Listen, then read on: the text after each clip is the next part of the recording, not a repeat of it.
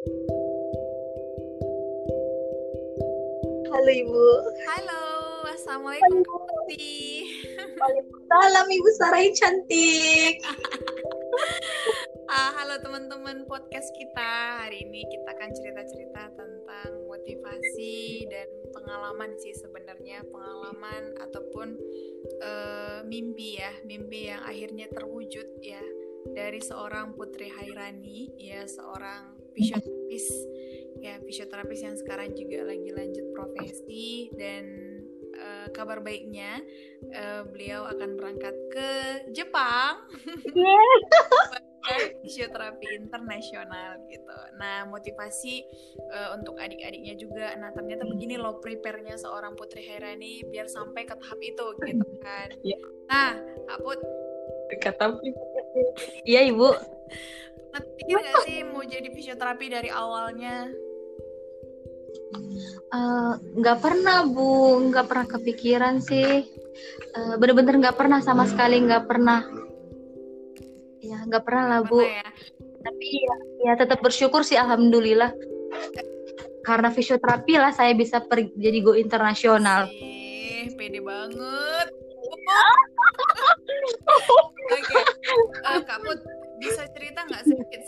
dari dulu pengennya jadi apa sih? Kok bisa jadi ke fisioterapi? Hmm dulu pengennya ya bu. Kalau cita-cita saya ya saya dari kecil pengennya jadi dokter. Tapi karena ya mungkin memang nggak nggak jodoh saya jadi dokter sih bu. Dan nggak mampu ya udah. Uh, saya waktu SMA juga udah pernah gak dengar fisioterapi. Uh, terus nggak tahu memang mungkin emang jalannya. Terus saya tuh kayak uh, di sini aja uh, di Me di Medan di Medistra itu ada fisioterapi loh itu bagus. S1 ya udah jadi saya tuh ngedaftar di Medistra bu. Hmm. ya setidaknya saya tetap jadi tenaga kesehatan walaupun nggak jadi dokter bener, gitu. bener bener bener. Ini kita juga tim juga ya sama mereka kan gitu. Iya benar juga sama mereka aktivitasnya juga berbaur dengan mereka. Jadi sebenarnya nggak jauh-jauh beda sih. Mungkin ruangannya aja kali yang berbeda. Tapi sebenarnya kalau kita buka klinik kita satu ruangan sama mereka. Masih cerita iya. tentang uh, pasien dan intervensi tentang pelayanan kan gitu. Nah, Kak Put, ini kan dengar-dengar nih mau iya. berangkat ke Jepang. Alhamdulillah. Nah, kira-kira pernah kebayang nggak sih setelah masuk fisioterapi aku nanti bakal ke Jepang? Pernah nggak sih terbayang atau pas kebetulan ada program terus ikut terus uh, eh, nyatru nyatru aja terus tiba-tiba berangkat? Gimana sih pengalamannya? Nggak pernah kebayang nih bu. Jujur jujur aja ya nggak pernah nggak pernah kebayang sih. Uh, cuman pernah di kampus waktu pengumuman di aula gitu kan bu. Uh, ada info kalau fisioterapi itu ada kesempatan bekerja di Arab Saudi. Terus uh, karena mikir kan bu uh, kapan lagi bisa keluar negeri bekerja? Jadi ya saya targetin lah uh, ngambil ke Arab terus saya juga tunggu-tunggu info kan sampai mau sampai tamat kuliah uh, udah mulai terbuka tuh kan bu. Uh, iya uh, udah dibuka pendaftaran ke Arab. Ya udah saya ikut. Terus uh, mungkin juga mungkin kan programnya juga masih dalam proses. Uh, lalu ada teman ngajakin uh, ini ada dibuka program ke Jepang untuk fisioterapi loh di Medisra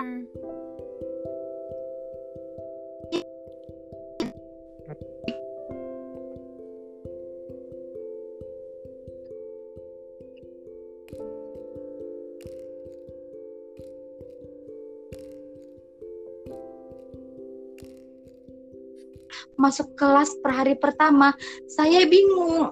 Saya nggak pernah ikut pengarahan yang ke Jepang. Hmm. saya hanya teman uh, apa aja sih yang fasilitas di Jepang kayak gitu. Saya hanya nggak dengerin terus saya ikutan masuk. Pas masuk hari pertama belajar saya masih masih shock. Ah kenapa saya di sini? Kenapa saya ngambil ke Jepang? Ya udah saya jalanin. Belajar belajar belajar emang sih bu awalnya itu pusing bu. Eh, dua minggu pertama saya pusing karena kan bahasa asing bukan bahasa kita juga bahasa kita juga kita susah ngertiin. Ya udah jalanin jalanin.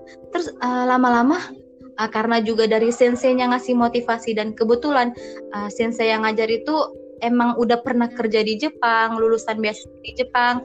Sastra Jepang kan uh, hidup di Jepang. Jadi kayak lebih uh, real aja gitu bu. Jadinya kayak emang bener ada gitu. Uh, emang di Jepang itu emang ya menjanjikan lah dibilang. Bener bener bener, akhirnya iya coba-coba ya. nyaman.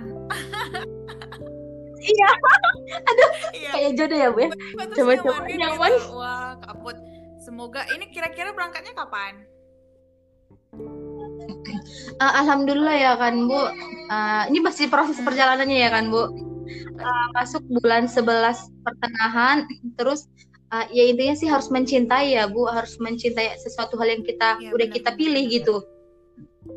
Kita jalani kita cintai. Pokoknya nggak boleh di pikiran kita tuh aku nggak suka aku nggak mampu. Jangan gitu karena kalau nggak kita coba kita juga nggak akan tahu kita mampu benar, apa enggak sebenarnya. Dan tetap juga kan uh, kehendak Allah juga kalau memang emang rezeki dan jodohnya di situ bakal lulus gitu. Ya udah ikut ujian kan bu pas waktu simulasi-simulasi ya dibilang lulus lah bu nilai tapi pas-pasan gitu. Terus karena motivasi juga kan. Nah alhamdulillah bulan pertengahan masuk les uh, bulan dua ujian alhamdulillah lulus. Masuk ya naik uh, level tahap bahasa selanjutnya. Itulah uh, kami dipindahkan ke Medan kan bu? Uh, di sana. Terus uh, alhamdulillah juga emang kayak dilancarin gitu. Uh, tiba-tiba ada panggilan uh, untuk uh, mahasiswa dari Medisra diberi kesempatan wawancara. Sedangkan uh, wawancara itu memang belum ada gitu kan bu. Tapi uh, udah uh, anak Medisra dikasih kesempatan karena karena baru ini fisioterapi nggak uh, tahu ya kalau di daerah luar tapi kalau Pulau Sumatera baru ini fisioterapi yang ngambil program kerja ke Jepang jadi daya tarik orang Jepang itu lebih tinggi gitu. Oh, gitu. Ini seben ya, jadi sebenarnya ya kan, kakak lah yang berangkat pertama kali sebagai seorang fisioterapi yang ke Jepang, yang memang oh. yang di perusahaan Jepang oh. kan gitu. Dan makanya ini kan jadi reward tersendiri gitu. Orang perdana loh yang berangkat ke sana gitu, seorang perempuan gitu. Iya, yang awalnya mikir fisioterapi itu apa sih? Apa sih itu gitu. Ternyata ya kamu yang nunjukin ke orang-orang bahwa kita itu nggak cocok untuk dipandang sebelah mata gitu. Kita itu bisa loh go internasional gitu. Dan kita iya, mana pun kan gitu kak. Hmm, gimana bu? Ya, kita diperlukan dalam dalam hal apa pun kita diperlukan. Fisioterapi itu iya benar-benar sekali. Nah gimana lagi iya. ceritanya? Terus uh, uh, alhamdulillah wawancara Uh, sebenarnya kan kami uh, lulus berdua kan Bu sama senior Ricky. Tapi kalau untuk laki-laki uh, level bahasanya harus lebih tinggi di atas di atas uh, yang perempuan. Jadi sebenarnya Bang Ricky juga diberi kesempatan untuk wawancara pada bulan 3 kemarin, tapi karena dia laki-laki harus tetap memenuhi persyaratan. Jadi saya perwakilan dulu yang pertama. Dan alhamdulillah ya walaupun masih terbata-bata sih memang belum totalitas sebelum bisa berbahasa Jepang ya setidaknya kayak perkenalan sudah mampu gitu. Nah, nah orang Jepang juga tertarik gitu karena kan uh, jurusannya fisioterapi. Dan kebetulan uh, saya juga dapat itu dapat uh, tempat kerjanya emang ada rehabilit rehabilitasi untuk emang rehabilitasi lansia gitu. Nggak hanya perawat saja emang mereka emang menyediakan emang untuk rehabilitasi lansia yang emang harusnya fisioterapi di situ. Ya begitulah. Alhamdulillah lulus lulus wawancara uh, terus uh, karena ngurus berkas-berkas uh, turunlah kontrak kerja pas puasa. Seminggu puasa turun kontrak kerja. Nah di kontrak kerjanya itu berangkatnya bulan 9 tapi karena ya karena pandemi ini kemungkinan bisa jadi tetap berangkat bulan 9 bisa jadi diundur. Tapi ya doain aja lah bu. Mana baiknya tapi tetap aja iya, harus berangkat. bener. -bener. mau diundur pun kalau misalnya karena kondisi pandemi kayak gini juga ya nggak masalah. Kalau dimajukan juga uh, pertimbangannya juga mungkin sudah matang kan gitu. Ya kami kabar baiknya ya, benar, gitu benar, sebenarnya kak sampai di sana hal yang pertama kali mau dilakuin apa sih Aduh, uh, sebenarnya kan Bu, uh, sa uh, saya pernah mendengar orang kan Bu, uh, sesuatu hal yang kamu ingin inginkan dari dulu tuh sebenarnya bakal bakal tercapai. Ibu pernah nggak sih ada ngedengar orang, uh, misalnya pengen sesuatu tapi uh, pengen sesuatu terus diingat-ingat, kayak dipikirin terus itu pasti bakal bakal tercapai. Ibu percaya nggak hal gitu? percaya kalau misalnya hanya sekedar mikirin nggak ada usaha, kayaknya nol sih. Eh, iya sih bu, cuman kan bu, kalau saya dulu pengen ya bu, kalau ke Jepang tuh saya saya cuman pengen ke, uh, saya melihat bunga sakura, sama ke Disneyland ya bu, itu aja dari dulu saya pengennya. Tapi saya nggak ada niat mau bekerja, saya saya emang dari dulu pengen, cuman hanya itu. Jadi saya berpikir, ah apa apa mungkin karena saya punya keinginan ngelihat bunga sakura langsung, makanya mungkin jalannya melalui kerja tapi bisa sambil jalan-jalan. Jadi double kan menghasilkan uang jalan-jalannya dapat pengalamannya dapat. Mau masalahnya kalau sudah ke Jepang teman-teman ibu kan ada tuh yang di Jepang juga yang kan dulu ada ya, pertukaran pelajar lah ceritanya waktu di L. Nah mereka itu kalau udah nyampe Jepang ya kalau ke mana pun udah deket gitu loh udah ah penasaran ah kok uh, negara yang lain kan? Gitu. Ke Korea dekat bu. Udah dekat ke mana aja gitu loh tinggal yaudah saving uang berangkat gitu loh. Mudah-mudahan pandeminya selesai dan kita nggak akan terganggu lagi untuk perjalanan ke mana-mana kan gitu. Iya benar-benar benar nah, benar uh, apalagi Jepang itu negara maju. bener, bener. nah kak Put itu kan nanti nyampe sana mau lihat bunga sakura ke Disneyland. Nah kira-kira nih kira-kira ada ah, ada kira-kira mau bertahan lama di sana atau rencananya uh, kayaknya bu untuk sementara dulu nanti dikoordinasi dengan orang tua atau gimana sih planning untuk selanjutnya gitu. Uh, kalau secara pribadi bu saya pingin kalau bisa sih tetap tinggal di sana gitu. Tapi ya namanya kita wanita kan uh, tuntutan ya bu ya. Harus harus ya kita harus berumah tangga juga. Jadi ya kalau memang misalnya memang diharuskan saya pulang dulu ke Indonesia berkarir di Indonesia yang nggak masalah saya balik lagi. Kan kontrak kerja tiga tahun ya kan bu? Tapi bisa bisa bisa diperpanjang ya dengan persyaratan ikut ujian lagi gitu. Kak kira-kira salary berapaan sih. salary gimana bu? sih? Uh, Leri ya, itunya ya bu ya? gajinya berapa sih? Uh, kalau kira-kira ya uh, kalau dibuat ke Indonesia ya Bu tergantung mang sih eh tergantung tergantung IN di Indonesia ya Bu kursnya ya. Kemarin pas lagi turun kontrak kerja saya cek uh, kurs di Indonesia itu uh, satu yen itu 140-an kan Bu. Nah itu kalau saya hitung gaji masih gaji gaji kotor tapi belum masuk uh, lembur bonus sama yang lain itu kurang lebih uh, sekitar 22 juta gitu bu. Oh Tapi itu belum belum masuk lembur sih bu. Jadi kalaupun misalnya ada lembur sekian juta, uh, bu wala bersih di saya um, bisa lah 18 juta kayak gitu bersih Aduh, di saya ya. Ibu mau dong. Jadi kalau jadi kalau mau dikirim ke Indonesia tergantung mata uang di Indonesia kalau kursnya lagi naik, naik ya, ya walaupun saya kira masih.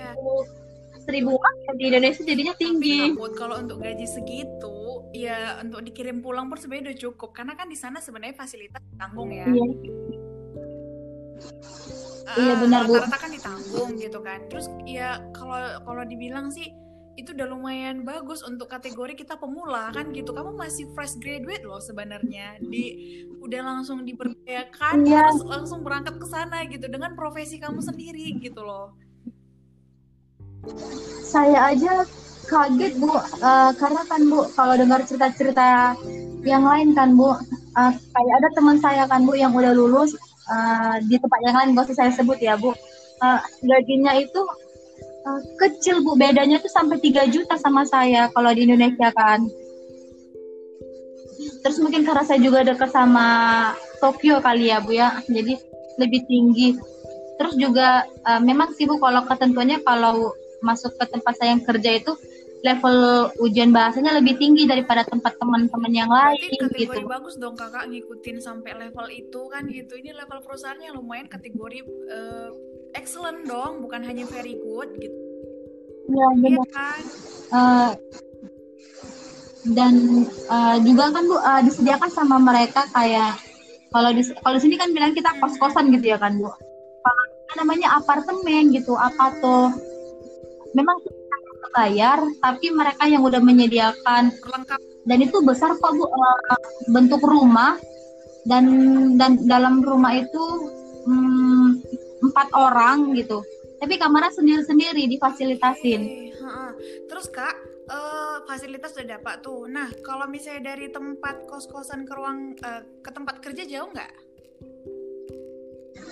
Nggak jauh bu, saya lihat dari Google Maps ya kan bu, ah, karena saya penasaran banget kan. Jadi saya cek itu jalan kaki nggak nyampe 15 menit. Hmm, good. Terus? Terus, uh, terus kan bu, saya cek lah sekitarnya kan bu. Nah, uh, Ya sekitar akan saya cek, uh, saya mikirkan kan bu, uh, mungkin atau mungkin kayak di perkampungan gitu ya kan bu. Tapi saya cek uh, enggak kok orang bukti aja kayak misalkan kayak mm, yang baru-baru di Indonesia ini kan kayak Uniqlo. Nah di sana tuh dekat sama Uniqlo bu. Wow. sama pizza, pizza hut dekat. nah Kak Put, boleh cerita nggak lokasinya kakak kerja itu di mana sih di arah Tokyo di arah ibu nggak tahu namanya sih cok ceritain deh dekatnya ke mana di di titik mana gitu lokasinya di daerah Gunma bu. Di prefektur Gunma namanya. Iya bu? Tokyo? Berapa lama ke Tokyo? Atau dekat dengan apa? Dekat dengan dekat dengan Tokyo. Uh, kalau saya cek ke Tokyo itu kurang lebih kalau naik kereta api biasa ya Bu, naik kereta api biasa tuh dua jam setengah. Ya tapi kalau mau lebih cepat, naik aja Shinkansen. Mungkin satu jam. Tapi kan Shinkansen mahal, lebih mahal Shinkansen daripada pesawat di sana. Wow, pasti pesawat Shinkansen. Uh, saya harus nyoba, saya harus nyoba, saya harus ngumpulin dulu, saya harus naik Shinkansen. Kak nanti kalau iya, Ibu nanti kirimin foto yang keren untuk adik-adiknya biar adik-adik semangat ya Iya, aman nih Bu. Nanti saya di sana bakal jadi apa ya? Nanti saya buka channel. Nah, Kak Put, ini terakhir nih untuk sesi pertama. Nanti kita lanjut lagi sesi selanjutnya, cakap-cakap dengan kakak ataupun bincang-bincang lah. Kak, penutup nih untuk hari ini. Apa kira-kira mau disampaikan ke adik-adiknya untuk pengantar lah ini? Selebihnya nanti kita buat podcast selanjutan. Untuk sekarang ini apa kira-kira yang mau sampaikan ke adik-adiknya biar adik-adiknya terbuka nih pikirannya uh, biar jurusan itu jangan mentok hanya satu, dua, tiga. Ternyata fisioterapi itu juga bisa salah satu pilihan gitu. Apa mau disampaikan? Uh, uh, saya cuma mau menyampaikan mungkin mungkin kali mungkin kalian juga merasakan yang pernah saya pikirkan sebelumnya. Saya berpikir kan uh, kalau mau kerja ya harus kuliah. Dan kalau mau uh, kerja ya harus saya jurusan. Saya dulu berpatokan seperti itu ya kan bu? Uh, kayak misalnya kan mentok-mentok uh, jadi fisioterapi harus jadi fisioterapi gitu. Apa pun ceritanya harus fisioterapi gitu. Dan ternyata uh, saya kayak sharing juga sama salah satu dosen kita. Ya teman sejawat ibu lah kan uh, Bu Mifta kan sama-sama ngambil S2 biomed ya kan Bu? Karena juga Bu Mifta pernah jadi uh, pertukaran pelajar ke Jepang. Ya sebenarnya kan dari biomed dari fisioterapi tapi ngambil ke biomed itu kan kalau secara umum kan kayaknya nggak nyambung gitu berpikirnya ya kan Bu? Tapi ternyata itu sinkron sebenarnya. Sinkron terus sampai ke kayak pertukaran pelajar juga kayaknya kan uh, dari bio fisioterapi ke biomed tiba-tiba ke pertukaran pelajar di Jepang karena dari kayak uh, karya tulis itu ya bawa lingkungan ya. Dan itu kan kayaknya kan eh kok kayak nggak nyambung gitu. Tapi karena dijelasin sama Bu Miftah juga dan itu benar-benar sinkron sekali. Jadi saya ya untuk adik-adik lah uh, jangan selalu berpikir eh, kenapa kerjanya nggak nyambung? gitu enggak jangan gitu. Terus juga kalau bisa uh, kerja itu nggak harus di Indonesia aja. Sesekali buka ke luar negeri kalaupun apa. Biasa juga banyak sih sebenarnya ke luar negeri. Tergantung kitanya lagi. Terus pokoknya kalau mau kerja ke luar negeri harus pilih fisioterapi khususnya di Oke. media. Nanti ini podcastnya bakalan kita share di Terus ibu satu lagi, uh, akan jangan share jangan lagi. selalu berpikir. Uh, satu lagi ya, ya memang uh, kerjanya itu kalau bahasa kita di Indonesia anti jompo gitu kan bu. Karena kan salah satu uh, salah satu basic fisioterapi itu lansia ya kan bu. Emang seharusnya di panti jompo gitu. Tapi jangan berpikir panti jompo tuh ih, ih ngurusin orang tua kayak gini, tempatnya kayak gini. Nah di Jepang itu uh, walaupun dia panti jompo tapi ya tau lah kan Jepang udah negara maju. Dan di sana tuh bener-bener gimana ya? Mungkin beda lah sama di Indonesia yang udah pernah kerja di Jepang tuh pasti bakal bilang itu beda sama di Indonesia. Dan di sana itu eh, yang punya panti kepala yayasannya itu mereka menyediakan kayak karaoke kayak menyediakan fasil- fasilitas yang lain. Ya kayak gitu jadi jangan takut orang Jepang sangat menghargai orang-orang Indonesia karena orang Jepang sangat suka dengan Indonesia karena orang Indonesia itu lebih menghormati orang tua walaupun bukan orang tua kandungnya. Mereka langsung yang ngomong seperti itu. Benar benar benar. Oke kak Put nanti kita lanjut di bincang-bincang kedua untuk lanjutan tentang pengalaman sampai nanti untuk sesi kedua kita bicara tentang apa sih yang udah di- disiapin baju baju winter kah? Atau apa kah? Nanti kita bicara di sesi kedua oke oke bu makasih Kak Put untuk kesediaan waktunya. Terima kasih untuk support adik-adiknya. Jadi untuk teman-teman podcast, silahkan fisioterapi bisa menjadi pilihan. Ayo sekarang klik link SPMB-nya, langsung daftarin. Kamu akan jadi next generation untuk goes to Japan kan gitu. Iya bener-bener bener. Oke, Oke Kak Put, selamat beraktivitas. Maaf mengganggu belajarnya tadi. Ini Kak Putri tadi Hai, belajar iya, Jepang. Coba Kak Put bahasa bahasa Jepangin dong, Bu, keluarin dong bahasa Jepangnya untuk semangatin adik-adiknya. Ah, ah, minasan gambarimasu artinya cuma "Ah, semuanya semangat gitu Oke, makasih Kak Put. Ibu udah mau arigato gozaimashita ibu Iya, Sama-sama. Sama-sama. Oke, sampai ketemu lagi. Assalamualaikum warahmatullahi wabarakatuh. Dadah.